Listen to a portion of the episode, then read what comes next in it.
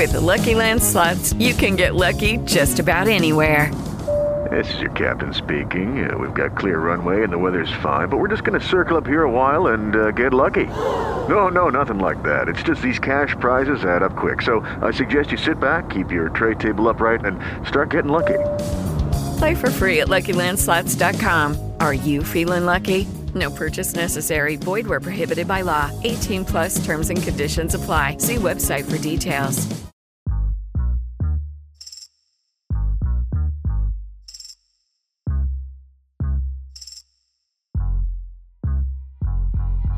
Hello, and welcome to season two of Bites and Bits on the Sonar Network, a deliciously cheeky podcast where we explore what's funny about food and what's yummy about comedy.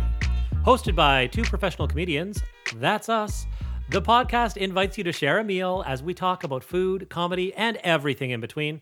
Of course, I'm Matt Mayland. And maybe I'm Hisham Kelati.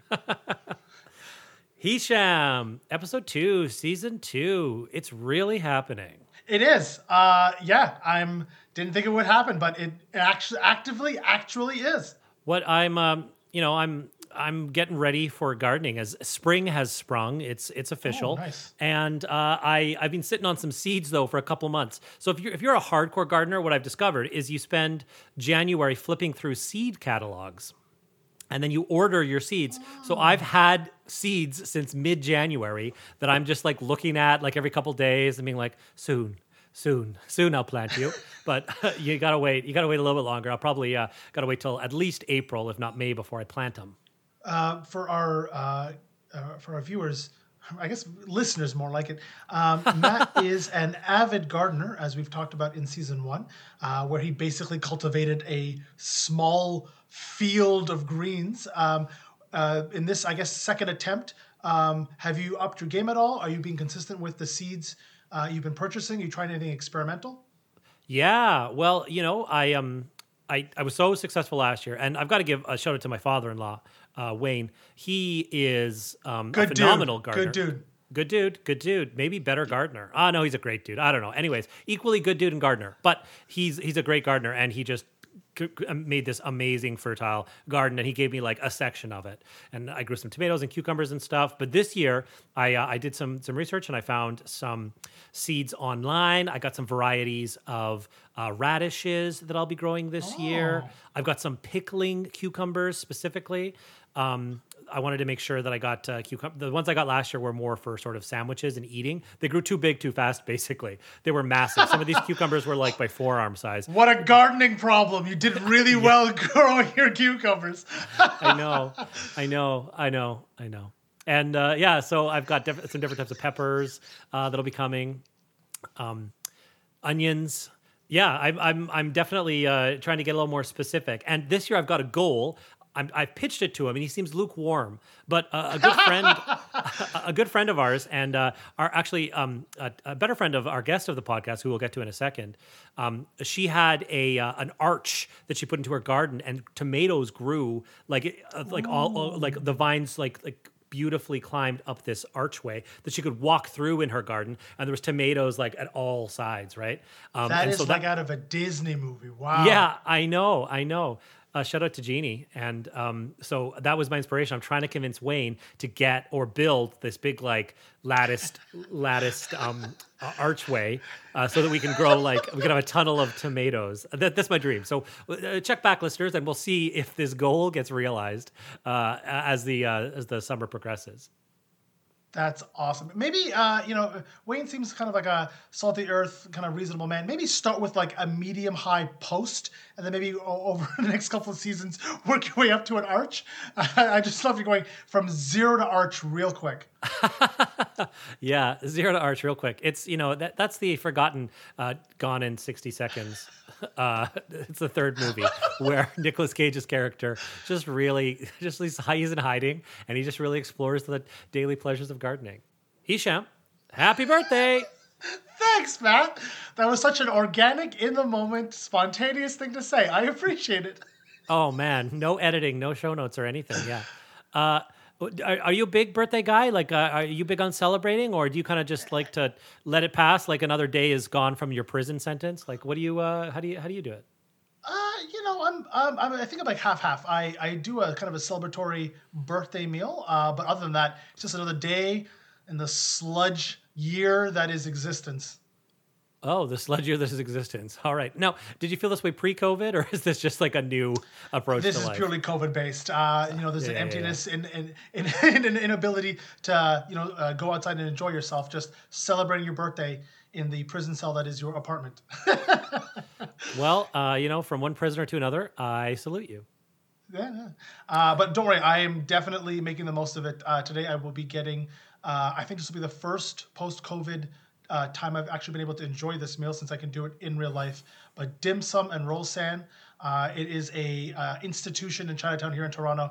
Uh, if you guys ever get a chance, please go Dundas and Spadina. Tell them uh, you've met me. They will give you a 10% discount. I've eaten so much at this place. Like to the point where even the cooks come out just to say hello. Because only I order the hot bones. Okay, guys? Only I order the hot bones. Yeah, sounds um, unappetizing. All right, great. but uh, good for you, Hisham. Uh, you gotta you gotta do you, and uh, no no better place to do that than Rol San. That place is legit amazing. I've eaten there many times and never before 1 a.m. Yeah. Yo, you know, that is an end of the night kind of meal. 100% just stumbling your way down Spadina. Uh, and like, they, in terms of dim sum menu, it's absolutely wild um, what they, uh, they have. And it's, it, for me, it's the most fun. I love that Lazy Susan just Oh my God. putting all the pile of food and spinning it towards you like the best episode of Wheel of Fortune. Like I love. It. I don't want five hundred bucks. I want, I want those deep fried shrimp rolls. Oh my god, so good, so good. Yeah, I love, I, I absolutely adore uh, a dim sum. And uh, on, a, on a side note, um, my mom's name is Susan, and um, she hates uh, the lazy Susan term. For just every time, I can't think of lazy Susan without her like seeing her furrowed brow because she just she Oh. just she got teased as being lazy because of a lazy Susan. So um, sorry, sorry to hear that, mom. Uh, sorry, sorry, sorry that Hisham uh, probably rubbed salt on that wound inadvertently for you. Well, uh, it's fitting that it's your birthday because uh, the theme of our podcast today is celebration, and we brought in the queen of celebration, Hisham, who is joining us today. This episode, we are joined by a very special guest. She is an award winning improviser, director, and writer. She developed her comedy career in Toronto, appearing in TV projects such as The Beaverton, Odd Squad, and Degrassi The Next Generation. Uh, four years ago, she moved to LA and is now slaying the stand up comedy scene there. She is a Christmas aficionado, a philanthropist, a florist to the stars, and the biggest bringer of joy you'll ever meet. Ladies and gentlemen, the one, the only, Leslie Seiler! Insert roar of applause. Thank you for that roar of applause. It was beautiful. Hello, Les. How are you? I'm good, everybody. How are you? I'm gonna make you bigger. I'm gonna do the full screen. Oh, yeah. There you go. You're gonna- That is You wanna very see- respectful. Thank you. Yeah, you want to make sure mm-hmm. you can see the none of the hairs on Hisham's head, just really up close. the closer you get, the less hair. It's wild. It's it's, it's like a magic trick. I black out It's- Matt's video since episode one, season one. I've never seen what his face looks like. He's just a voice in the dark. Listen, that's why I like a lot of my podcasts. I never want to picture the people. You know what I mean? I just want them to be voices. I listen to all my podcasts in the dark, just eyes closed. Some say I'm sleeping, but you Kindred know, spirit. I'm here for it. yes. yeah, it's it's, it's true. I never want to know what the host of the Daily looks like. You know, don't Google it. Don't Goo- don't Google your heroes. That's what they say, right? Don't don't Google your heroes. Absolutely. Or meet them. Sometimes meeting your heroes can be mm, tough. Yeah. Oh, I once met I once met Michael Biehn, Kyle Reese, because I, I was in a show with him. I, I had scenes with him. Yeah? And I was so excited and I was like, oh my god, it's freaking Kyle Reese. So um and then the director kind of brought me over and said, Oh, oh, Mike, this is Leslie. And he just kind of went, uh-huh. And like total cold shoulder and walked away. Oh, I know it was very sad, and I was just like, okay, like even just like a hello, like he doesn't have to like whatever. Um, but then it became oh, maybe maybe I'm talking too much shade about Michael Biehn. But then he um, we realized that he wasn't memorizing his lines, that he was wearing an earpiece, and his son was standing like just uh, offset reading his lines to him. Shut like his son would be I swear to God. And maybe he'll come for me because I've revealed this now. But it was true. And then I was like, oh, maybe he was just like, I don't even know if he was. I love this. I'm like, maybe he wasn't just rude. Maybe he was just like freaking out because he can't memorize lines anymore or something. And he's like, get away, get. I don't have time to meet people. I need to get my earpiece. Um, yeah, and it was crazy. And then there was this one shot where the director, where he he stopped the shot. He was just like, cut, cut. You can see my earpiece. And he like went up to the director and he was like, "You can see my thing. You gotta, you gotta shoot it from another. Like, you can't, I can't have you, whatever, whatever." And we were like, "Okay, Michael Biehn." Wow. Yeah. Well, yeah, it's true. Never, never get cast in shows and do scene work with your heroes. That's what they say, right? Yeah. yeah. I'm taking down Yes. this poster right now. Oh God, but yeah, that was quite an experience. And I mean, listen, again, I don't like to judge people's journeys. I mean, who knows what was going on with that person? But, But yeah, maybe better Michael just not meet them. Also, fuck Michael Biehn. Yeah. Fuck him. yeah. Bites and Bits well, is taking a very strong stance on this, and we will not budge. Michael Biehn, come on this podcast and tell your side of the story, okay? Yeah. Open invite. Open invite. Listen, well, listen, his wife does a lot of his management stuff, so if you could find her on the internet, I don't know that she'd say no. Jennifer Biehn, look her up. I th- what I All feel press is is, I good think he's looking for stuff to do. Do you know what I mean? Yeah. I think he's looking for. All right, fair enough. Well, listen, yeah, it, open invite. It stands. It absolutely stands. We'll wait till we'll wait till he comes to us. You know what I mean? Like that's that's where Yeah, we're, yeah, that's yeah, of course, yeah we're course. we're in Camp Seiler. We're in your camp, so we're we're, we're definitely going to support you throughout this whole thing. If if he does come on, we're going to be very critical of his actions. Hypercritical. When Problematic As it should almost. be. when he comes on, when he comes on. so, Seiler, we um, haven't just uh, brought you on to dish about celebrities. We have also invited you on the podcast to eat with us. And uh, I know uh, off off off podcast right before uh, Seiler confessed that uh, she's starving. So um, we're gonna get right Yeah, to our I am. first segment, which is called First Bites.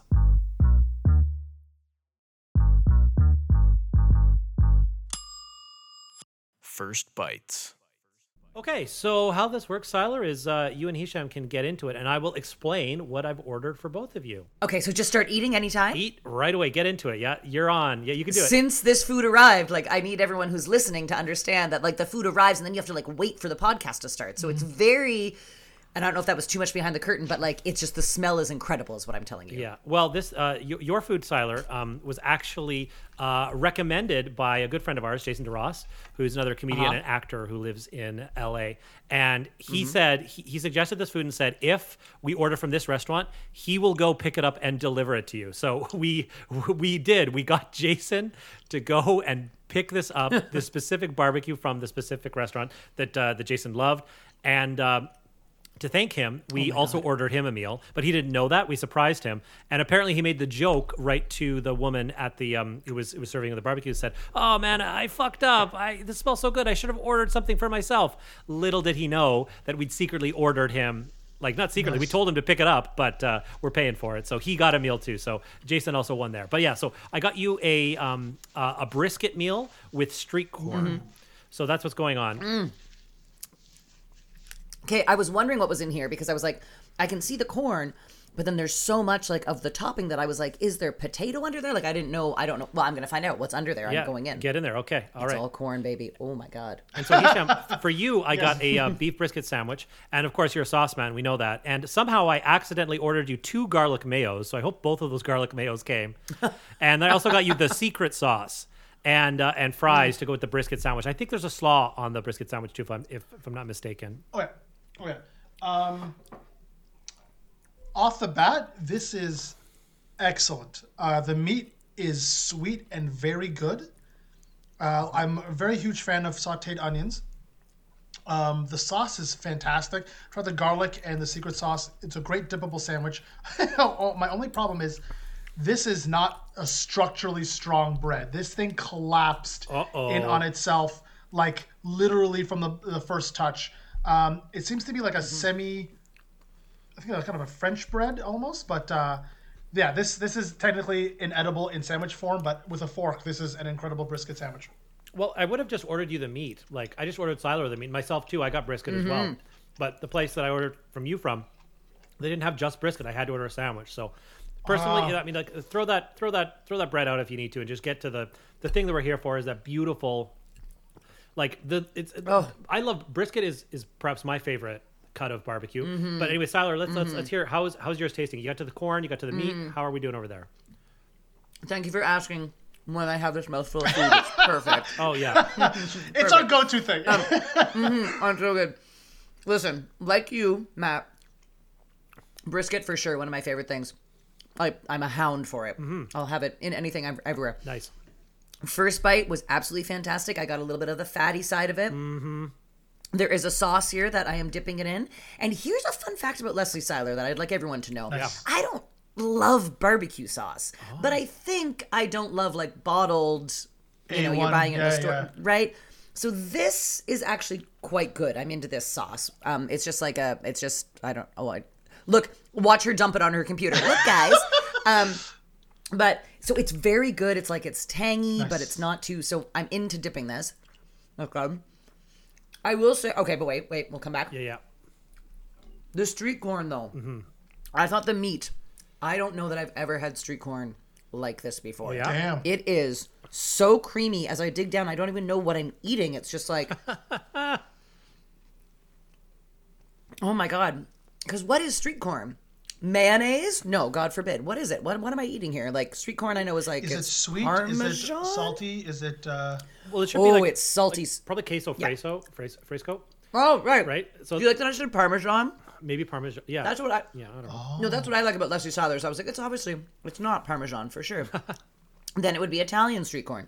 Um, but no, it's just like so creamy. The corn is so crunchy. Like yeah, there's just a creaminess to it that's just like I don't know if we can get a like it's just again I don't want to dump it on the computer. We'll but uh, we'll, you, I have, I send do us a send us a pic of it, and then we'll uh, we'll put it on our. Instagram, so people can check in The just how creamy the corn is. Yes, totally. The only thing I will say is that unfortunately my brisket, and I don't know if that's because it's it's I'm leaving, it's getting a little dry on me. Oh, yeah, that's tough. So I don't know if I need to like, which I know can happen. So yeah, like when I pick up a piece, like the bottom one that's had the other with stuff on top of it is is, is better. Um, it's still falling apart. It's still absolutely delicious, but it's getting a little dry. That's fair. Last thing I have to say is, of course, that there are some gorgeous pickled like onions and like a pickle. So. Again, if you know Leslie Seiler at all, you know I like to combine. So I'm gonna do it. I'm gonna try to create a perfect bite here. Combo bite. So I've put some onion, a pickle, the, both kinds of onion, the thing, and then I'm gonna put, I'm gonna slap some street corn on there. Give me a second. Okay, I'm gonna do that. Okay, everybody, we're seeing how this is building. Yep. Oh, wait, wait, wait, wait. Get back. I'm just gonna use my hands. Then we got that. Then I'm gonna give it a little dip. Okay, ready?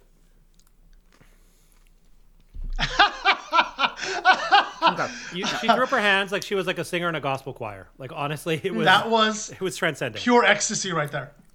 I've done it. I've made the perfect bite. So when you are eating, do you do the quote unquote perfect bite often, or as like like a the default setting for um, consuming meals? Mm. I will often. Um, I, I probably it probably always happens. Like Nice. especially if I'm eating out at a restaurant because I'll be like, "What is this combination like?" Is Nice. and, and then sometimes it, it's and then sometimes it's not. Sometimes the perfect bite is not a combination. It's like no, no, no.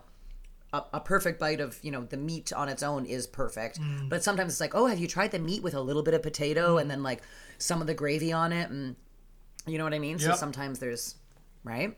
I, I'm, I'm you- always oh I love the perfect bite. I I I'm, I'm completely vibing with you. I, I absolutely love it. Just because for me, if especially if it's coming together, I assumed it's supposed to be eaten all at once in some capacity. Um, that's awesome. I I wish there were yeah. spoons big enough to help To- accommodate the perfect bite. I know, I know, and it is. It's like, what do I combine here, and how's it going to work? Ah. So wait, Matt, are you eating what we're eating? What or no? well, I'm in Los Angeles, so no one's eating what I'm eating. are you eating what Hisham's eating? Well, no, we're all eating separate restaurants just because of the way the geographical layout of our houses.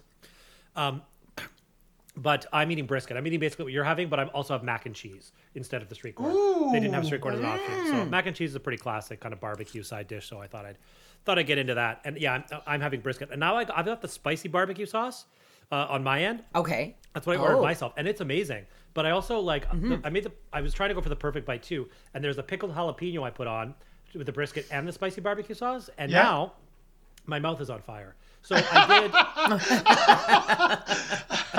Walk like, I'm right always to that like one. I mean, Hisham, Hisham can attest. Uh, So we had a little planning meeting, and we ordered Dave's Hot Chicken, which actually is an LA franchise. I believe, but now they've gone worldwide, and so there's a couple in Toronto. And Hisham very responsibly ordered you can get from like mild all the way to like like extra extra hot, right? Like, and they also Mm-hmm. have light mild, which is hilarious to me, and also the thing I should have gotten. yeah. Oh my god. But so Hisham ordered medium, and Hisham's like, it was pretty spicy. It was it was good. It was, of course. honestly. I, I went one up and I got hot. So so again, and that's the man. one immediately under the Reaper, uh, which they actually indicate in Uber Eats that if you're ordering it, it's like a default, like uh, um, uh, signing a contract, or like we're not held responsible for any health conditions that you may, you know, get after eating this insane level of hot. He just ordered it. slightly below that one. Okay. Oh my god. And Matt, what happened? I was. it What was- happened? It was it was hot. And, uh, no problems. next- yeah, it was it was very spicy. Um, no problems the next morning, Hisham. I know you're very curious about Really? that. No problems. No problems. Uh, but um, I I did also just recently go in for a gastroscopy, which is where they stick a tube down your throat and check because I have acid reflux, and I have no idea why that I might have acid reflux. Uh, ba- No idea. Based on my. Really? Yeah. Is that so? Very confused. yeah Matt? uh, so uh, my uh, uh, yeah my uh, my um my my throat and stomach doctor i forget what it's called like a- gastroendocrinologist or something anyways it's a very fancy sounding name but uh, shout out Dr. Taylor. Anyways, he, uh, he he he told me that I should probably eat less spicy food. So I've decided that I only I am only allowed to have hot sauce on one of the three meals of the day. That's that's how I'm cutting back. So That's how you're cutting back. yeah, yeah. Oh my god. Um wow, yeah, no, I would not I would not want that spice. Cuz for me I can do medium medium wings, yeah. but then my nightmare would be barbecue sauce that's really hot because I'm already on the fence about barbecue sauce as it starts. So now you're getting into a world where I'm like, "Oh man, now I've got now it's super spicy and it's not my favorite sauce." Like a spicy mayo, Nice. I'll yeah. more go with you Yeah. because I love mayo. Yeah.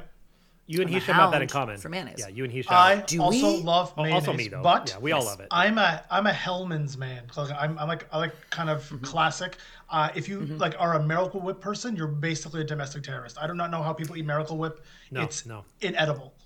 But it's not mayonnaise. I don't know why it's parading around pretending to be mayonnaise. It's fake. right? It, it's not even fake. It's just Yeah. not mayonnaise. It's like this weird own standalone condiment. You know, it's But- in it's- exactly. And listen, Yeah. no, and I understand because it, it's used for sweeter things. Like people will do it in a coleslaw or like in very specific Ah. recipes.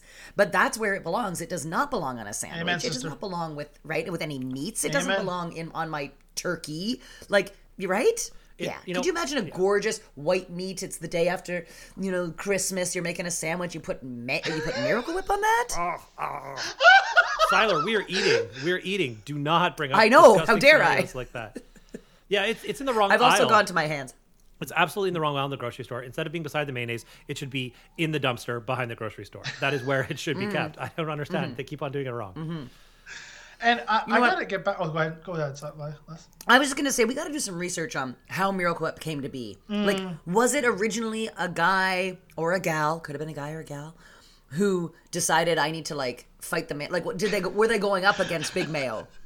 Do you know what I mean? I like to think it was a they trying? carryover from World War II rations, where they just had like a gigantic warehouse of this weird gelatinous mix they used to give soldiers. They're like, let's just call it mayonnaise. And it had gone off a little bit. Yeah, there it so is. then they were like, There it is. "Oh wait, we can't call it mayonnaise. We better call it Miracle Whip." Because it's a miracle Because then don't also- die. Yeah, yeah. yeah, yeah. That's exactly what I was gonna say. Matt. Sorry, Where Seiler. Somebody tried it, they didn't die, and then they were like, "It's a miracle." Yeah. Uh, great minds. And, and and not to kind of like, uh, I don't want to bust past this uh, brisket conversation because uh, I'm generally surprised you both attested to the fact that brisket is your favorite cut or style of barbecue. I think so because well, it- well, well, well, what's on the list? Ribs. Well, ribs, Yeah, like r- ribs, guys. I know. yeah. I know. But a falling apart piece of brisket?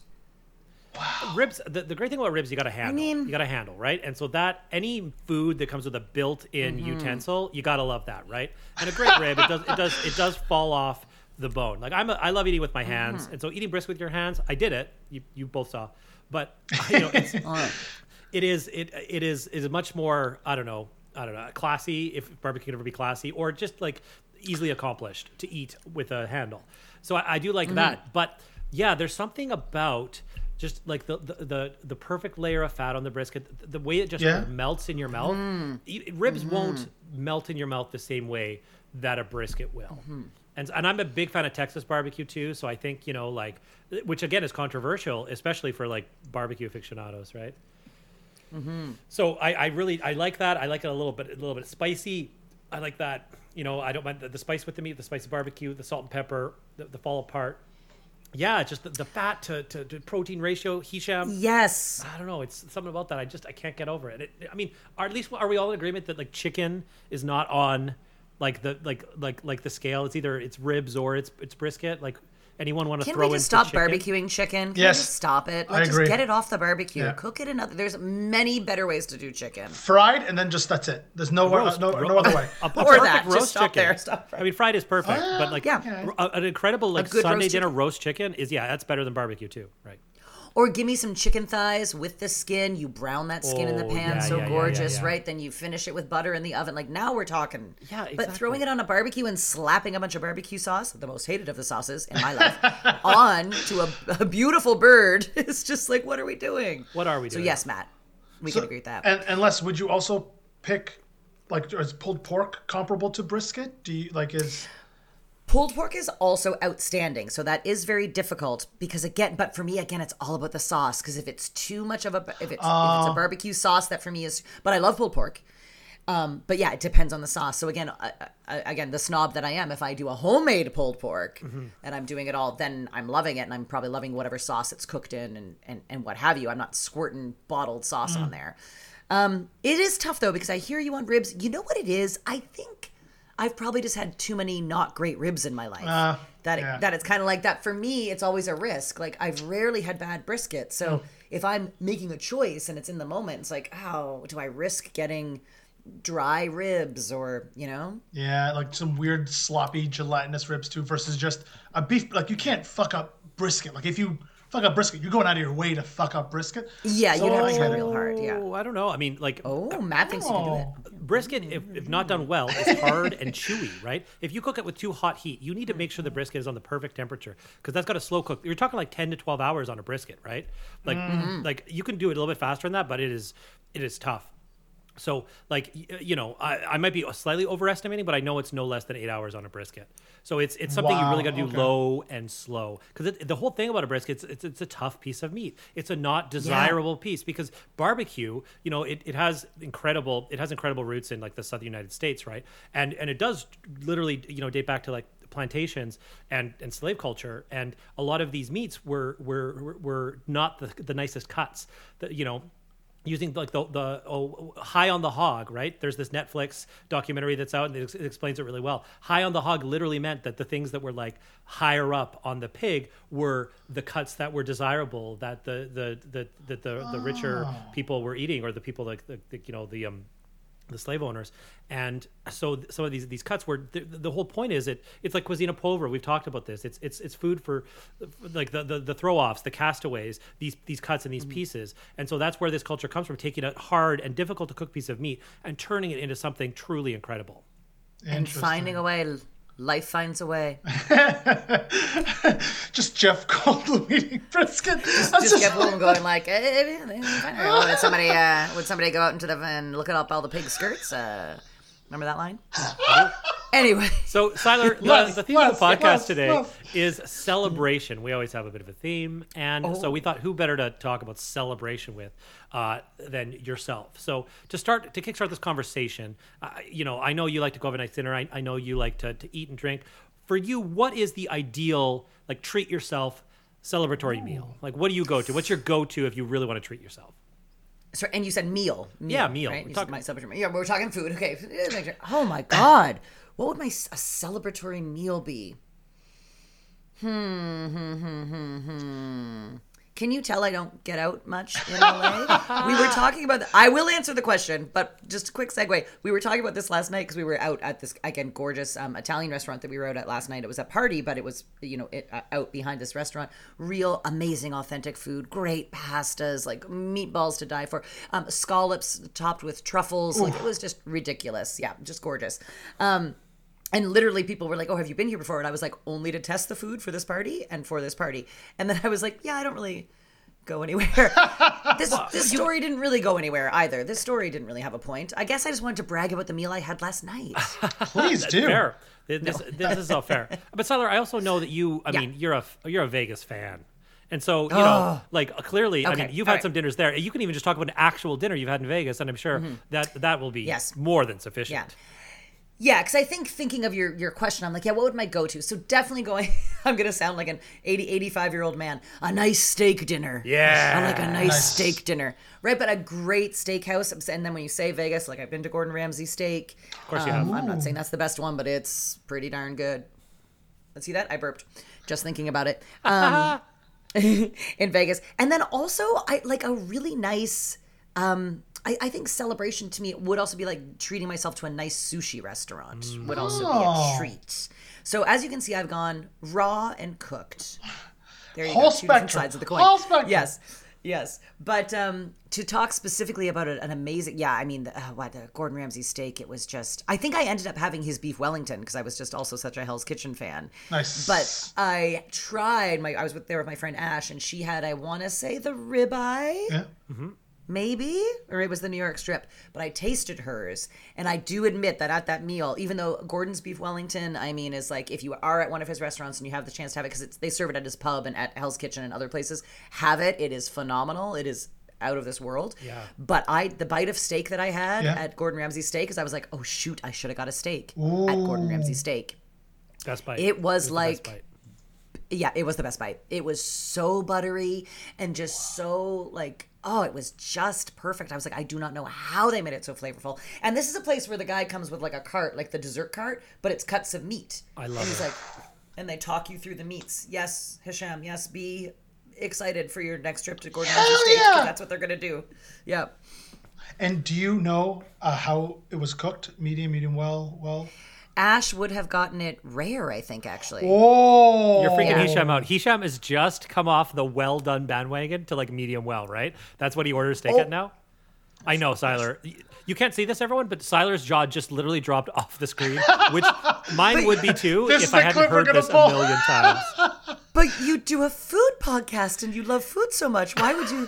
Listen, Yes. I am Soy an steak. immigrant to this country. Uh, I came here for the fact that the food is cooked. Okay, I want it black like me, well done, so I know it's cooked. Cooked. Okay, I just got like medium well, like just in the last little while. I'm talking like like right before lockdown, COVID, like February 2020. I tried one and was pleasantly surprised. Uh-huh. And when things maybe open up again, I'll maybe, you know, message you guys a heads up and be like, look what I'm doing. Uh, but to eat it rare, like Seiler, like that's Oh insane to me. But that's why it was so buttery and delicious and amazing. Yeah. I think so. Well, I think so. I will normally go medium medium rare on a steak, truthfully. Um, and and if you're at a okay. good steakhouse, you can trust a medium rare to be good. If you're at a place where e- even the keg, I would go more rare because most places do tend to overcook. Even Well, you know it, what I mean? it keeps cooking after it comes off the the, the 'cause it goes- Exactly, goes, so under the hot hot plate. Yeah. Exactly. So your timing, yeah, yeah, great point. Oh. Yes, yes, yes. Tyler, yes. I'll do you one better. I know that I like Oh. my steak to be 54 degrees Celsius. I know the exact temperature that I want my steak to be cooked, which is in layman's terms medium rare. But yeah, somewhere 50, 54, maybe 55 degrees. Uh, that's what I want my steak to be cooked at. And Hisham, uh, next time we have dinner, I will get some really amazing steak and I will cook it to 54 degrees Celsius for you. I'll sear it on both sides and I will put it in front of you and we're going to see see see what happens. Uh, uh, okay, I, I, Both I Seiler want you both to know speechless. the the the juxtaposition between the two men on this call is incredible to me right now. I just started shaking my head because, of course, Matt knows the temperature he wants his steak at. That's like the guy at Margaritaville that asked me to chill his Pinot Noir to 63 degrees. Okay, I I mean, I would not do that at I mean, Margaritaville. no, it's but- not. I'm making fun. I'm making fun. But you're not dying. wrong. You're not wrong, I'm Simon. dying. Fuck. Oh, Les, you're the best. I love But him. it's just I, I know, and then, then Hisham was like, "Nah, cook my steak. I want it. I want it to be a brick." And Matt's like, "I want it 54 degrees. I want fleur de sel on the top. Yes, I do. want to rest. I make my I own do. citrus salt in the oven. Uh, I will. Um, I will one up myself, and this is this is technically a safe space. So I'm just gonna put this out there. Okay, no judgment. Okay. Okay. Uh, I would say up until my early 20s, and like, once again, this is a safe space. I also used to eat my steak with ketchup. I'm just saying. I'm just putting that out there. Oh, I'm just putting that out there. Oh, Okay. Hisham. Just okay, listen, I stopped, but I'm just saying. Once again, is this supposed to be a safe space? I'm opening up to you guys. Oh no. You know what? I appreciate you sharing that with us. yes, I. And I I'm hope it glad, won't be I'm held glad you against me in share it. I am glad you share it, and I definitely think less of you. Yeah. Yeah, that's that's that's tough. Oh my Ketchup. When I found Well- out that Trump eats his steaks like that too, I was like, never again. I can't do yeah. it. Yeah, I mean, in your own words, Hisham, I think you're a terrorist. I think. I think that. Yeah, you eat- for you- sure, you- domestic terrorist. Yeah, dude. I'm on a list now. I'm so sorry, guys. I'm so sorry. Now, but here's my question, Hisham. Oh Have you spent a lot of time in America, like in the States? no, not at Because, all. Oh, because yeah, because if you get a hamburger here, you got to be careful, my friend, because they do not cook those things all the way through. Wait, please Yeah. explain. What Oh, do you medium mean? rare. So, It's so a hamburger, you, you can order a hamburger, rare, medium rare. Well, usually not rare, but yeah, you can you do a rare burger? You Matt? can. Yeah, you can. Yeah, it depends You on can. the place. It depends on the place. Yeah, place. so like like ground beef. Now again, the concept is supposed to be that it's higher quality and that whatever, and so it doesn't need to be cooked fully and it, it like meat. But what, but I mean, it's, unless you're at a nice place, I mean, you're. But like again. I don't want to bring up Margaritaville again, but I will because I used to work there. If you guys want any dirt on it, but Yes, um, even at Margaritaville, we would ask people how they wanted their burgers cooked, which was a laugh because they were not cooking those burgers to temperature, and people were constantly sending back, being like, "This was supposed to be medium rare," and I'm like, "This is Margaritaville." anyway, um, but yeah, you can get a bur- and and Matt is right. A, a, a good medium rare burger again.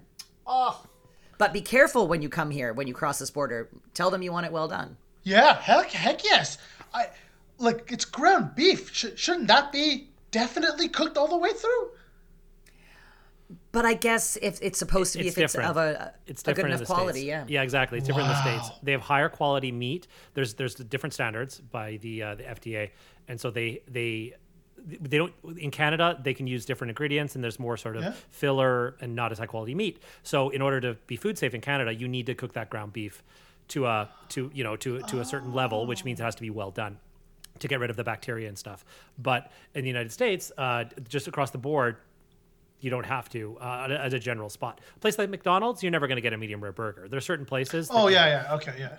But yeah, most any sort of mid-range restaurant or higher, Margaritaville at the bottom end, up to like you know Gordon, Gordon Ramsay Steakhouse. You're gonna ask how you do ah. that. That's that's the first meal I usually get when I go to the states. I find a decent, just a decent restaurant, and I get a medium rare burger. It's it's, it's on my bucket mm, list every single time I go down there. I can see why. And, and, and listen, and that's the thing. I have eaten more cheeseburgers or, or hamburgers Nice. since I moved to the state of California Nice. than in my entire life. Okay. Go. Leslie, uh, I've never been to the West Coast. I've never been to LA. Have you ever had In and Out Burger? Of course. Oh my god, it's Oh, the best. please tell me everything. This is so. This is. I. I and I don't Hold mean this patronizingly. This is adorable that you're so excited about that is. because Yes! there's one down the street. We could go there right now. You know what Oh, we're gonna do? I'm actually jealous. We're gonna take a quick break, and right after that, Leslie Seiler is gonna tell I. Hisham what he's missing at In and Out Burger. It would be my honor. I'm so excited. Yo. After this, we're Bites and Bits on the Sonar Network.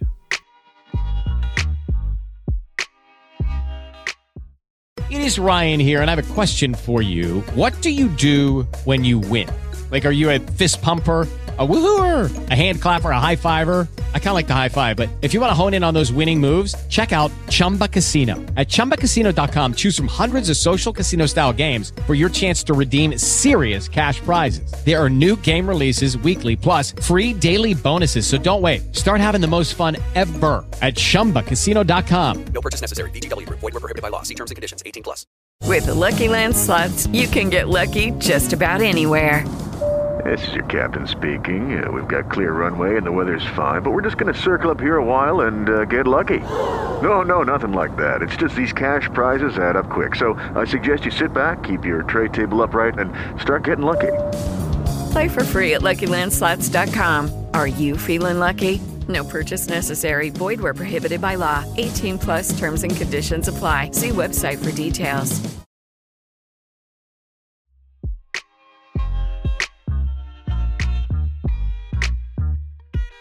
Welcome back to Bites and Bits with Matt and myself. We're talking to our hilarious guest, uh, Leslie Seiler. She is going to now do me the honor of talking about In N Out Burger. I am obsessed with this place. It is just like a fantastical idea that I've only ever seen in movies set in Los Angeles. It's the burger place everyone tells you to go to. And I want to know does it live up to the hype?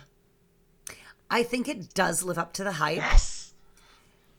But it is not my favorite of the chains in California. Please expand. I so can't here's the deal because yes i would recommend to everybody 100% you come to california you cannot miss in and out burger. It is a thing. You need to do it. Yes, the thing with yes. in and out burger is there's like four things on the menu like hamburger cheeseburger double like french fries and milkshakes or whatever.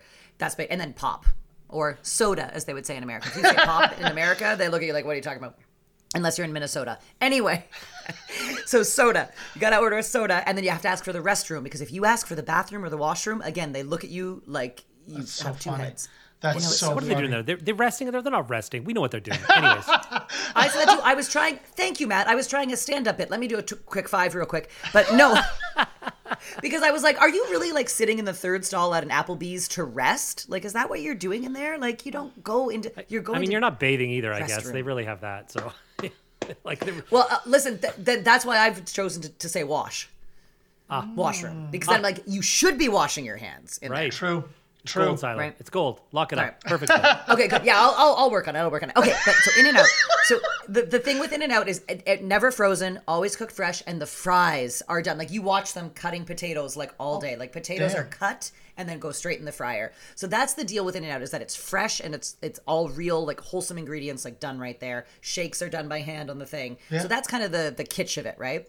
Um, and that and that they have such a small menu. What's fun about In and Out is that they have so so if you just get the plain simple burger, I think it's onion, raw onion, um, uh, white onion, tomato, lettuce. I want to say, and then cheese. Okay. Is there a sauce on there? On the straight up, I can't remember because I always get mine animal style. Yeah, you do. So there's a there's a secret menu. But what's amazing about In and Out is that the secret menu, like everyone knows the secret menu, but it's the secret menu. So you order your there's a thing called is it's is it is it called spread? I think it's called spread. Um, so imagine like a uh, what is it like a like a uh, Matt? You've had it right? You've Yeah, it's had kind of like Big Mac burger? sauce, kind of right? Like a Uh, little. bit- yes, thank you. Yeah, it's got that Yeah. consistency. Yeah. Yeah, so like Thousand Island esque, but then with sort of like Yeah. other stuff in it, kind of thing.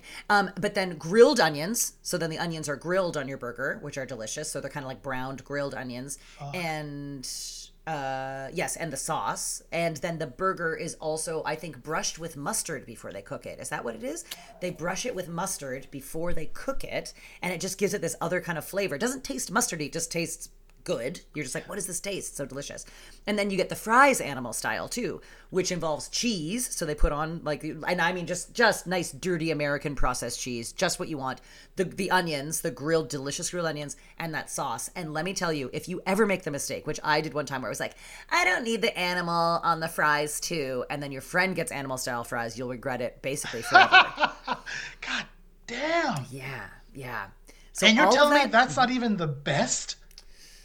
I know. I do think they're superior. Uh, my, for me, I actually think it's between Shake Shack and Fatburger for the best burger. My husband would wildly disagree. He doesn't love Fatburger. PK? Yeah, yeah. But uh, in fact, again, my friend and I, it's going to sound like we're always just running around eating, which we are. So Ash and I were out doing something the other day, and we stopped at Shake Shack, and it was the second time we'd gone in two weeks because once we had it once, we were craving it. And there's something about like they're really smashed burgers, like Yep. you know, like Yep. really, really smashed at Shake Shack. So there's just sort of again like a, a kind of crustiness or something on them. And that one to me with just the lettuce, tomato, no onion, lettuce, tomato, cheese, and mayo is like perfect. Wow. And I- yes, and then their cheese fries. Okay, so they're crinkle cut fries. And the cheese sauce, I, I said to her the other day, my friend, as we were eating it, I was like, how do they, we need to figure this out. So imagine like Velveeta, so your nice, dirty, cheap Velveeta sauce, mm-hmm. but like somehow lighter, like both in color and flavor and texture, like somehow, so it's like, it, it's like if Velveeta was like homemade somehow and wasn't made of plastic Yeah. it would be Shake Shack cheese fries. Damn. And yeah, so it's it's tough. It's tough out here when you're a burger. The name of the episode right there. Yeah. Damn. Thank you for that uh, for the education. That is awesome. I will definitely have to come visit you and definitely eat at all three of these places and judge them. That is awesome.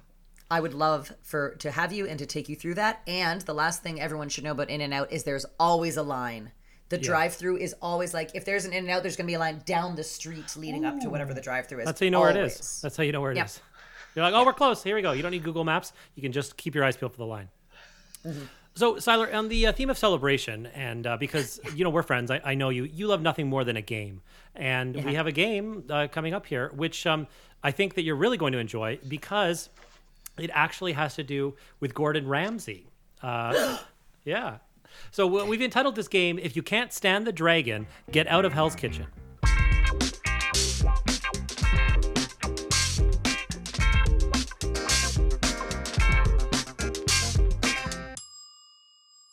So we know you love Ramsay, and I, I knew this before, but you just started going off, which is amazing.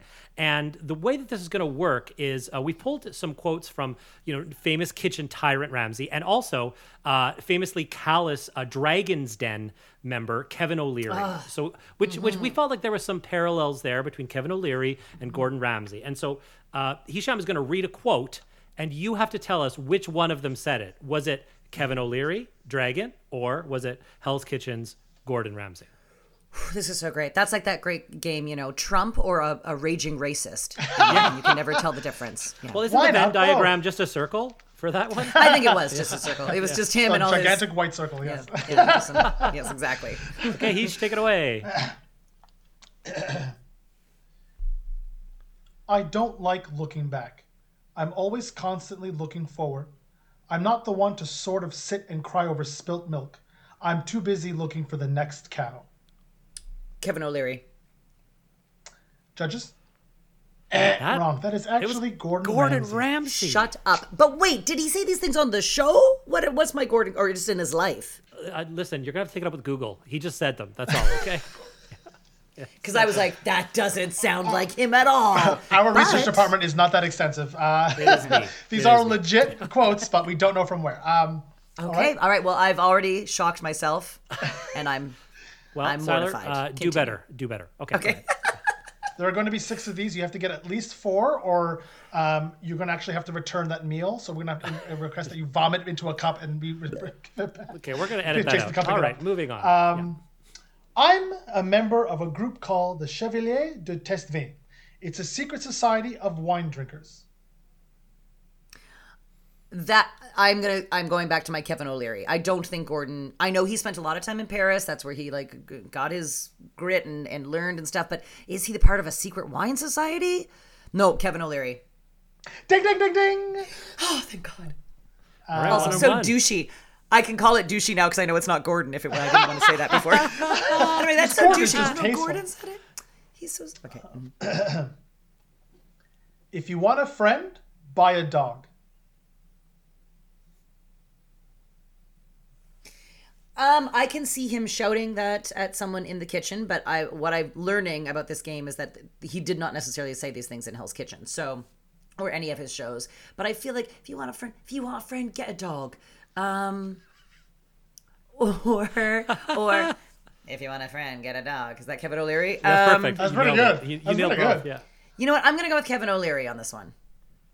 Ding, ding, ding. Two for three. Les coming back. Okay, let's let's keep this going.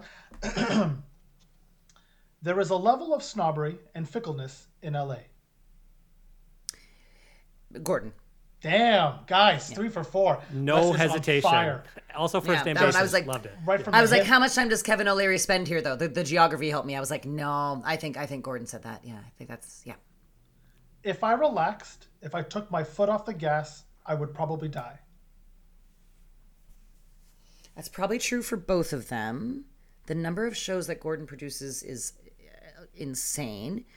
Kevin O'Leary is also making all that money and causing all that ruckus all the time, and you know, let's not bring up his boat driving past um, Wives. or Yeah. his wife's. Sorry. Um, um, can I? May I hear the quote one more time?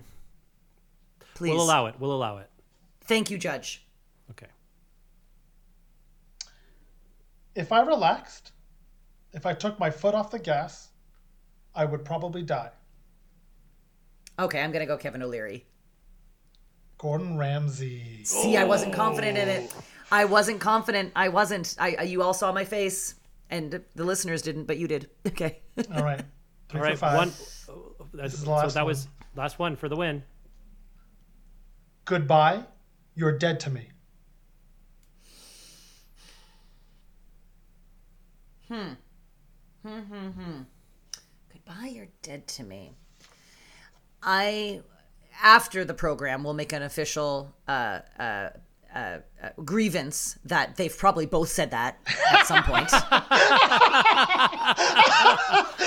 we'll wait for that official letter. so that's going to be. I hope it's Bits and Bites' first official grievance, and it will be coming from Los Angeles. However, for the purposes of this game, I am going to say Gordon. But it's Kevin. Darn Sorry, it! Les, that's Kevin O'Leary. Um, bald bastard Kevin O'Leary said it. Uh, I'm, I'm so sorry. Um, if I go through my Hell's Kitchen, uh, uh, uh, you know, uh, uh, library and find him saying that to somebody in the kitchen, what yeah, do you I can, get? You can you you can um, get all of your honor back. And you know what, Tyler? I want to give you the opportunity to do that right now because we're going to take a quick break and uh, we'll be back with more of uh, Gordon Ramsay's biggest fan ish, Leslie Seiler. Hi, everybody. It's Matt from Bites and Bits here. If you like what you're hearing, please take a moment now and subscribe on Apple Podcasts or wherever you're listening to this. Thanks, and enjoy the rest of the show. welcome back to Bites and Bits. We're thrilled to have Disney's number one fan, Leslie Seiler. Leslie, what's better, uh, Disneyland or California Adventure Park? Oh my God. Oh, Ah, Sophie's got- choice. Let's do this. I know I've got this question so many times. Oh, Is the question which one is better? Or is the no, I know what the question is, but I love that I have to do this. Or is the question if I can only go to one again for the rest of my life, which one do I pick? ooh, Matt, you jump in on that one. Which one's better? Yeah, which one's better? We just we just Okay, want to know. okay. Because I think I mean I think I now know what you're going to say based on that qualification. Yeah. But go ahead. Yeah. Um, I know. Yeah. So, uh, so Disneyland then um, is wait, is it? Yeah. Mm, oh, see, the one I if if if you told me I could only go to one for the rest of my life, I'd pick California Adventure Okay. because you can drink there. Yeah, of course. That's the, that's the major point. You you can buy beer and walk around. It's the best. Exactly. But Disneyland has Star Wars Galaxy's Edge.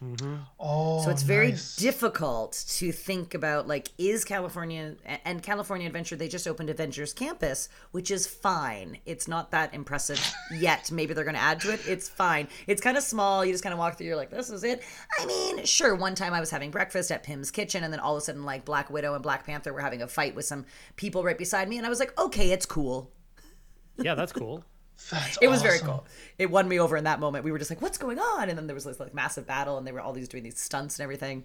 And like Spider Man does literally fly over you in the crowd because Disney Imagineers have figured out how to take animatronic humans to that technology where it's an animatronic and it, it dives over you. Oh my god, that's so awesome. Yeah, it's pretty freaking cool.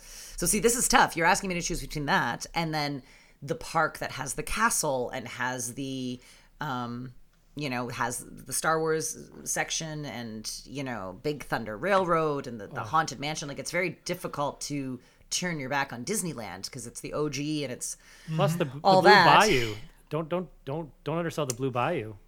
And Blue Bayou, you can get wine now. It's new. It, they just did that. Oh. I got a So glass of wine there dr- once. Yeah. So that's that Yes. is for the un uh, the uninitiated. That's the restaurant inside of the Pirates of the Caribbean ride. Yes, and it's absolutely gorgeous and magical. And the gumbo. Here's the other thing with Disney food. Disney food is also incredible. Like truly, like there's some misses. Yes, there's some misses for sure. But one thing Disney does really is they do amazing food. I have had meals there, like even just at the the, the grab and go, um, you know, locations or whatever the restaurant is, because they have everything from fancier sit down to you know get your um uh, gumbo or or, or ch- churros or your chowder in a bread bowl, um, which is one of my favorite things to get. Sometimes around ten o'clock at night, I'll just be like, it's chowder time, um, you know, because it's been a long day. You're walking, you need some carbs and some bread and some cream. But um, yeah, it's tough. And then their drinks are also exceptional. So that's why it would be, it would be very difficult to turn my back on um, one of my favorite, again, secret menu item, the zombie in California Adventure comes and it's all layered, like it's like looks like a rainbow. but then you, you but then you stir it and it turns like zombie green. It turns like mossy. It's so cool. Um, and and it's America, so they do not pull back on the pores. So you have one drink and you're like, "Woo," you're like ready to go. Okay, was my final answer Disneyland? I guess. Uh, first of all, I, I have a. You're about to get your second letter because this is an unfair question, and I don't know what you really wanted out of this segment. I don't know what you wanted of this moment to, to make me choose between my two children, but I guess I'll go Disneyland. All right. Yo, R.I.P. Cap, you're out. Well, go, go Yep. home. Uh, we have uh, we've got uh, Disney executives on the line here, Seiler, and they have now banned you from California Adventureland. I'm sorry to say. Listen, legitimately, legitimately, Ash and I have had conversations where we're like, okay, we can go crazy, we can have fun. The one thing we can never do is get so drunk that they'll ban us from the park. Yeah. Because one time we read an article about a guy. right there. Yes, because a guy like passed out on a bench or whatever, and then he got a lifetime ban. Because like you, you can get drunk at Disney and have fun, but you can't be like drunk, drunk, and like because there's, you know, I guess there's children. or ban. And we were just like, I don't know what I would do. I mean, well, I guess I'd move back to Canada because I'm why I'm living here. But Truly. PK's just left alone in LA. where'd she go? She got banned from Disney. Oh, oh. he'd understand. He He'd be like, He would understand. yeah. So you've you know you've been in LA for four years now. Is that correct? Uh-huh. Yes. Yeah, and before that, you were uh, a- a mainstay in the Toronto comedy community. And Mm-hmm. you know, the interesting thing to me is that during the time that I knew you in Toronto, and, and many years previous before I met you, you were known for acting, sketch, improv. And Mm-hmm. since you've moved down to LA, you made a bit of a pivot to stand up. Yeah. And, and and Come congratulations. to the dark side. Yeah. well, and and Tyler just recorded her first stand up album, right? Just very recently. Yes, I did. I did. Congratulations to that. Do you know what the name is yet? Have you entitled it? Yes, it's going to be called Check for Snakes. which is perfect. And so my question for you, Seiler, is you know why did you choose to pursue stand up after Mm-hmm. you know the considerable success that you had uh, in other forms of comedy and acting uh, up in Canada? Great question. So it is something that I always wanted to try, like in the back of my mind. And I might have like tried it, quote unquote, once or twice in Toronto, but never to any, you know, whatever. Like somebody was like, improvisers doing stand up. Like it would be like shows like that where it's like to see someone do something they don't normally do. Like whatever, fine. So it was always in the back of my mind that it was something I wanted to try. It was uh, the move to LA really prompted it because LA is such a spread out. Again, it, it's so there's no city like it in its vastness. It's so mm. spread out. So when you talk about a comedy community here, like when I come back to Toronto and visit and stay at like, you know, my friend Bodding's place, like in Regent Park, and then walk, you know, downtown to where the old second city was. And like, like that's basically it. Like we're all there's shows, or, you know, or or get on the subway, get on the Bloor line. Like everything is there. Like the mm-hmm. casting houses are all there, right? You can get to them. In LA, it is just so spread out and massive. Mm. So really choosing so for me it was like okay I want to do something I want to try to you know generate some creativity maybe get some stage time things like that right that's kind of the goal so we mm-hmm. were doing a show a sketch show at the Second City Hollywood for a while, which was great. But again, LA is a weird place. It's hard to get people to come out. It's hard to get it's it's just a different animal. So what I learned very quickly. So even in its vastness, trying to get together to like work on with your sketch troupe is like a nightmare. It's like, "Oh my god, do I have to drive to Culver City? Are you coming to the valley?" Like it's 45 minutes in traffic like are we really you- right it's just it's it's just madness so it's the soloness of it is the point of this that it's something that i could do by myself i can write it by myself and i am not a lone wolf i prefer to work in groups i prefer Yeah. to work in teams so for me it was also a challenge to a work by myself have that kind of like um i guess what's the word dedication willpower that's not the word what's the one when you oh my god i've lost words Resilience, uh, yes or somebody who's um self-reliant, Committed. uh, yeah grinder, hustle. all of Welcome these to the things. Source Bum- Bumble. podcast on Bumble. Source Source- Network. I'll think of it, and then I'll, I'll that'll be the third letter you will get. Will that word. Stick-to-itiveness. Stick-to-itiveness. It- that one, the stick to itiveness. But um, yes, so it was something. And then what really gave it, so I decided to just take a class with a good friend of mine, Renee Percy, who's a, a great stand up. She's another Canadian who's been here longer. She's been here, I think, 12 years now at this point. Um, and she was doing it at a comedy club in Burbank, which isn't too far away. It's at least in the valley, it's close enough. Um, so started doing that, enjoyed it, and then kind of got the bug just a little bit where it's like, oh, I do like it. But what really lit the fire under me was the pandemic because now it was something that I could do on Zoom. And it's not ideal to do stand up on Zoom by any means. Of course, right? I Hisham, I'm sure you know. You need an audience. An audience is the thing. That's the jam. But what I could do is open mics 5 nights a week from my bedroom. Yep. So that's what prompted me to really get good at writing material and to really work stuff. Because again, before it was like, oh my God, I'm going to do an open mic. I got to go all the way to Hollywood and then it's going to be like Yeah. whatever. And then, like, right? Like, there's nothing is close. Like, you can walk for an hour from my house in one direction and not get anywhere. Like, there's, it's just every, right? So it's, it's like I can't walk to Hollywood. Like, uh, to walk to Hollywood would be like, could I get there in an hour? No, it'd be like two hours, I think, to get like over that hill. And that's just to get to That's like too far. That's too far. you know, the, the Chinese theater and like, you know, Hollywood and Vine or whatever. Like it's far. So yeah.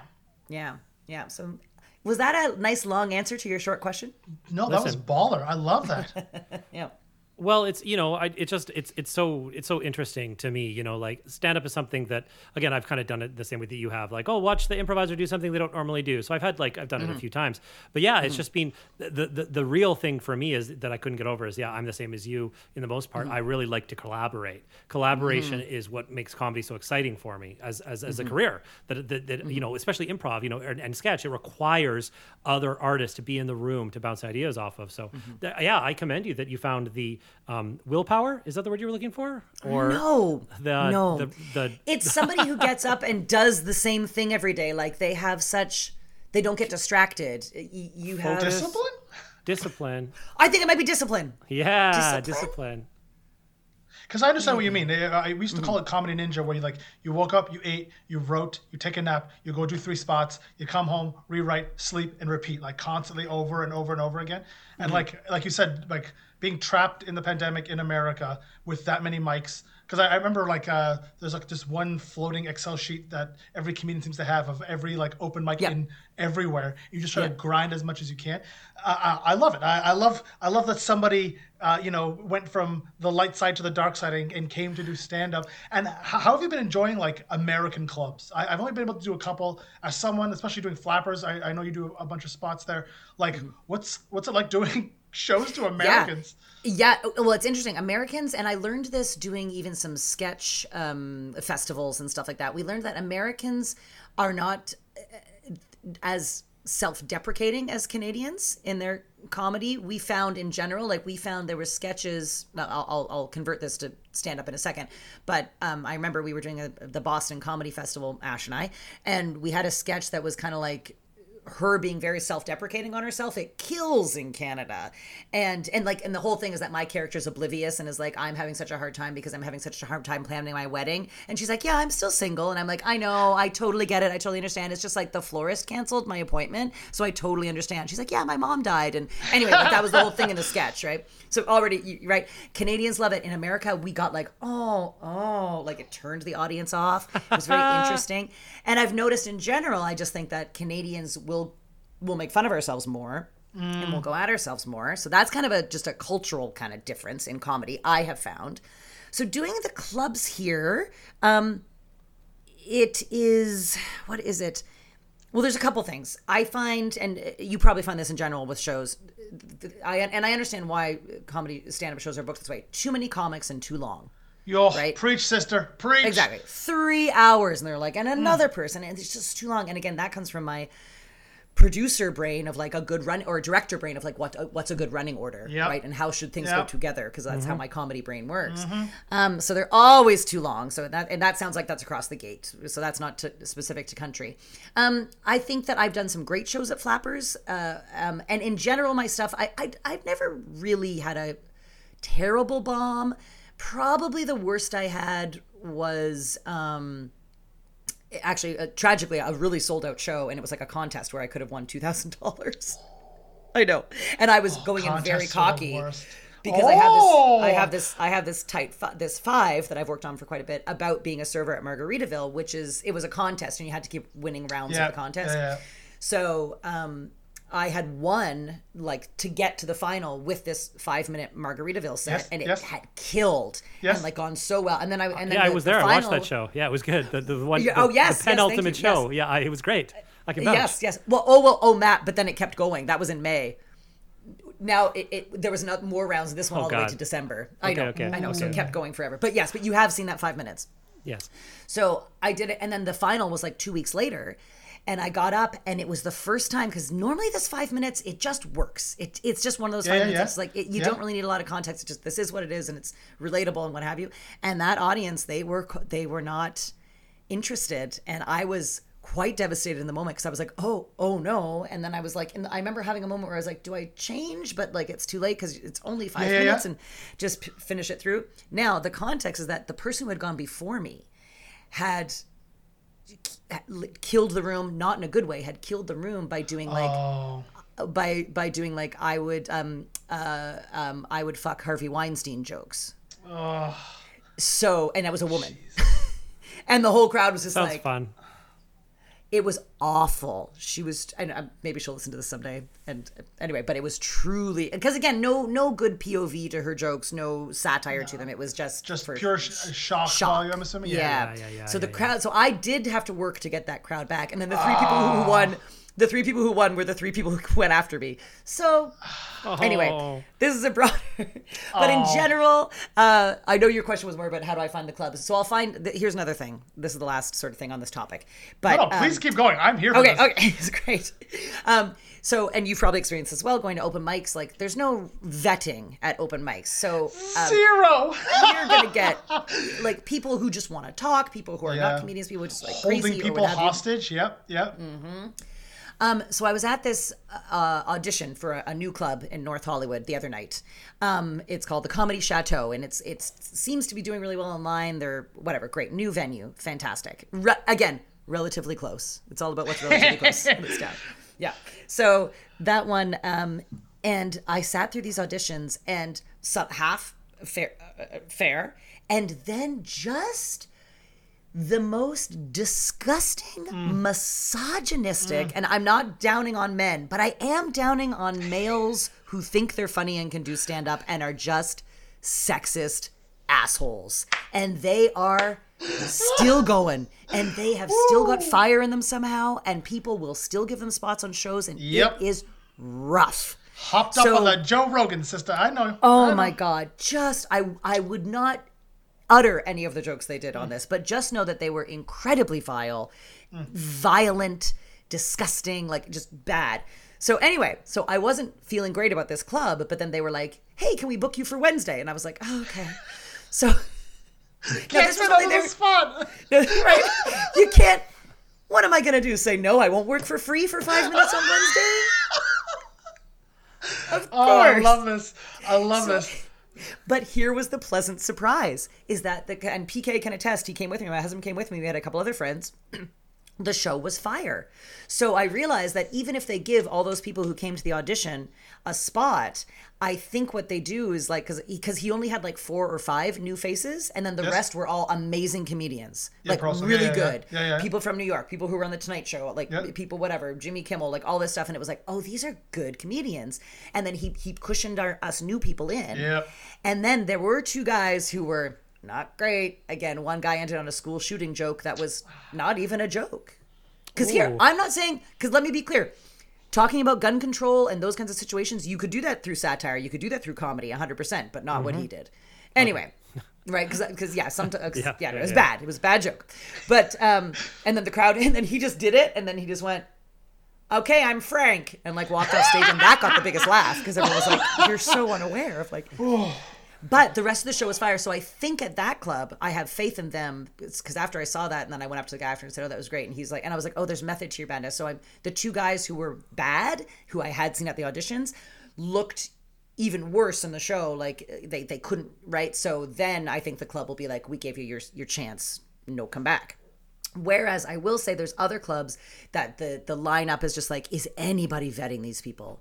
Like and and again, I uh, Flappers is a place where again I've been on shows a couple times. Again, this woman who did the terrible Weinstein joke was in my show like two weeks prior, did not win. I don't know how she got into this final, and I was like, you brought her back. So that's when I lose faith in sort of the club or what's going on or or, or what they're doing. But um, other than that, I think you know I haven't gotten into like Comedy Store or any of the big ones yet. Obviously, that's a whole other monster and animal and lining up for Only eight a matter of hours to time. get.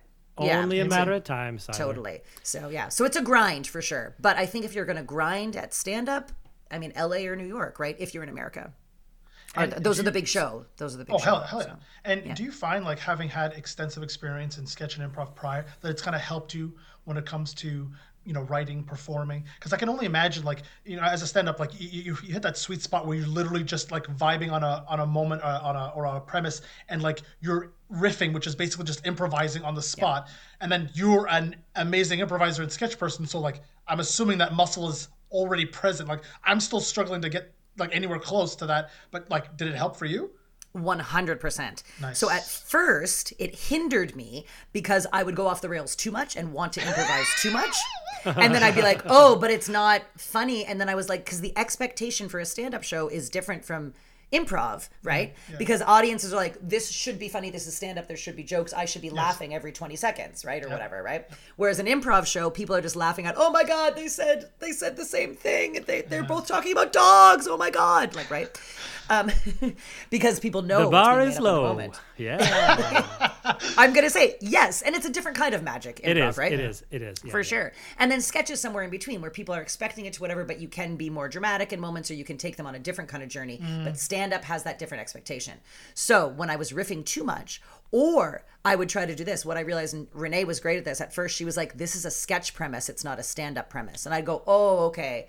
So I was still thinking with this sketch brain where I'd be like, Oh, this is like kind of like my premise. I would try to write it into jokes. And she's like, This is a sketch. And I'd go, oh. okay so then it became when is something a stand-up joke and when how can you write write to that and it doesn't mean that it, they don't have pov um, it just means finding what is this, a joke and then what it needs to be explored in a longer scene sort of setting Yeah, yeah, okay. yeah. okay. So once I figured that out, then the improv. So so, so the, the one thing I had going for me was the ability to just have stage presence. Because that's the other thing is that some people can get up there and talk, but like they leave the micro stand stand in, in front of them and i'm like what are you doing or like they they shift around or they they don't enunciate like so just being a, a stage performer is is good. And then the improv yes and the, the time that it worked the best for me and like oh renee she's so smart she was right. She was like you need to know your script so well that then you can go off of the trail Yep. and then find your way back.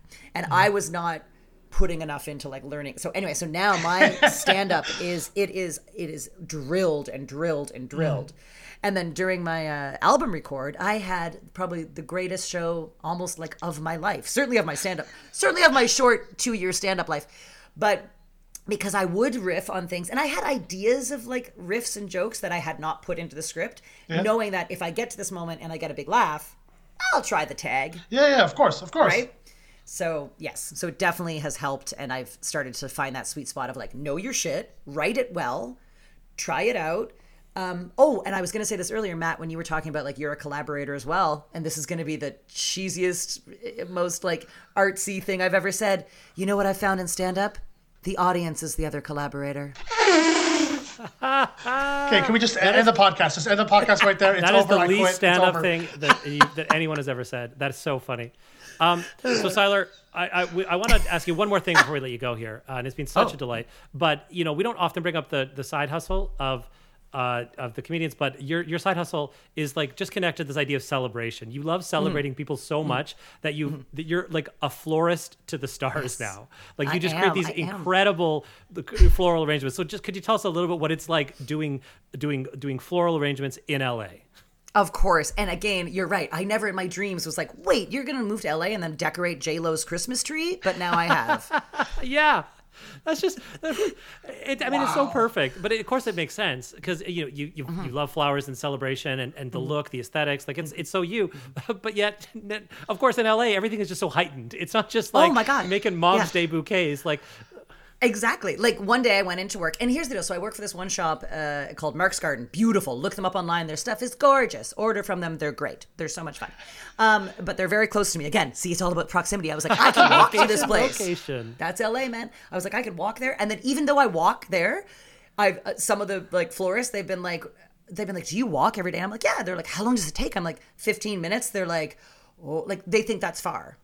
Because that's also LA. It's a it's a car town. Not in Toronto. Oh, I've seen people get on the bus for one stop. I'm not kidding. I saw a guy once get to a bus, put his bike on the thing, get on the bus, and get off at the next stop. And he also had a bike. Anyway, I'm not talking about flowers here, but do you know that I just want to tell everybody on your podcast what LA is really like? Hey, hey, that's why we Tell have us you. the You're dirty first- secrets. I love it. Our first- but yeah, so quickly to to sum up uh, uh, my flower life. So yeah, so Mark's Garden is like the the place in L- like they do the Oscars, they do the Golden Globes. Like they often have these big accounts. They're very fancy. Um, so they do big events, like events on crazy scales. Like one day, my job was to wire um, five thousand roses, so that five thousand roses could be hung from a ceiling in a ballroom to make it look like a like a starry night made of roses. Um, and when I say one day, that took me two 12 hour shifts, so 24 hours. And then I still wasn't done. And At that point, I think I had done 4,200 of 5,000. It's a lot of roses. Because It even is if they're very like, unglamorous to make it look glamorous. yes, and that's the other joke is that it's not really good. Like I love it, and I love it, it's a it is a good side hustle because it's something I don't hate doing, and I don't have to deal with customers, which is Nice. chef's kiss. Yeah. So yeah, I don't have to go back to waiting tables and appeasing people and chilling their wine to sixty three degrees. So. um, but another great day. So so yeah, so that shop is like that. Then I do work. I'm gonna go back, put a pin in that. Then I do work at another shop because I'm a freelancer, which is the other great thing is that they just call and say, "Hey, can you work?" and you say yes or no. So it's not Humble like right, so- brag.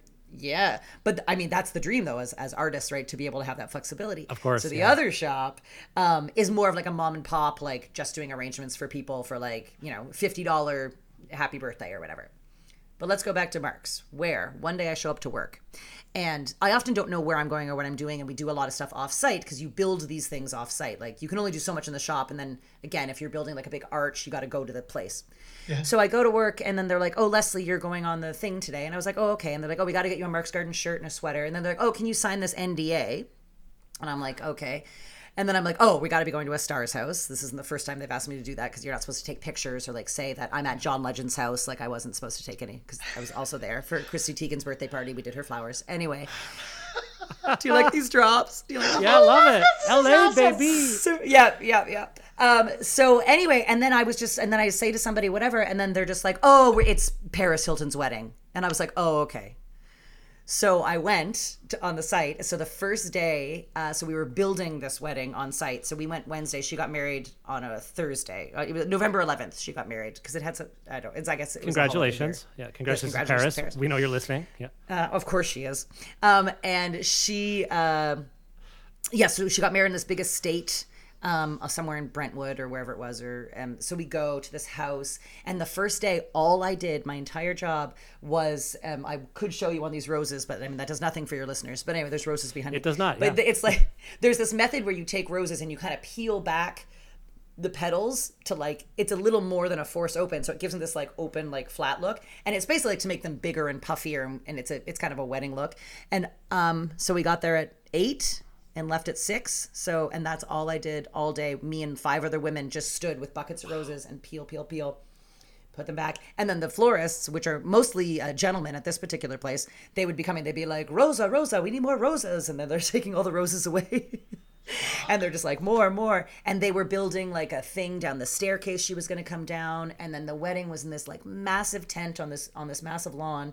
Um, so we had to build again this arch. But at the end of the first day they decided that the arch wasn't big enough but we're like it's constructed like there's no way to so what they ended up doing they're like okay we'll we'll just get longer roses so we'll stick more roses into the like floral foam that will go past the rose so basically what i'm telling you is we covered like 10,000 roses with 10,000 more roses just to make it puffier because you didn't see the first layer of roses you just because they put in all these big ones and then just to make it puffier um, then I didn't realize that um, the the wedding and the reception was in the same room, like the same tent. So it's that thing where like half of it was curtained off, and then all the tables are set behind the curtain, and then the the wedding ends, and everyone goes to cocktails, and then the curtain comes down, and we all like. So we had to do a turnover in the space, right? Wow.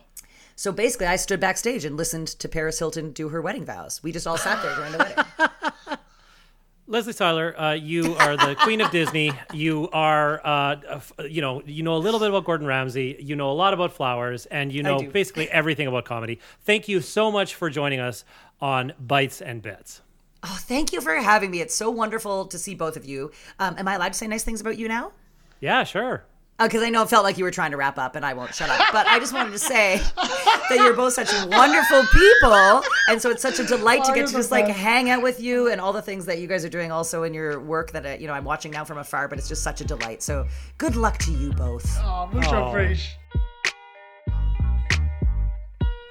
That's it for this week's episode of Bites and Bits. We want to thank a few people for making this all possible. Our producer, Aaron Conway, writer, Tony Hall, music and sound design by Ryan Sheedy, and of course, you, our listeners.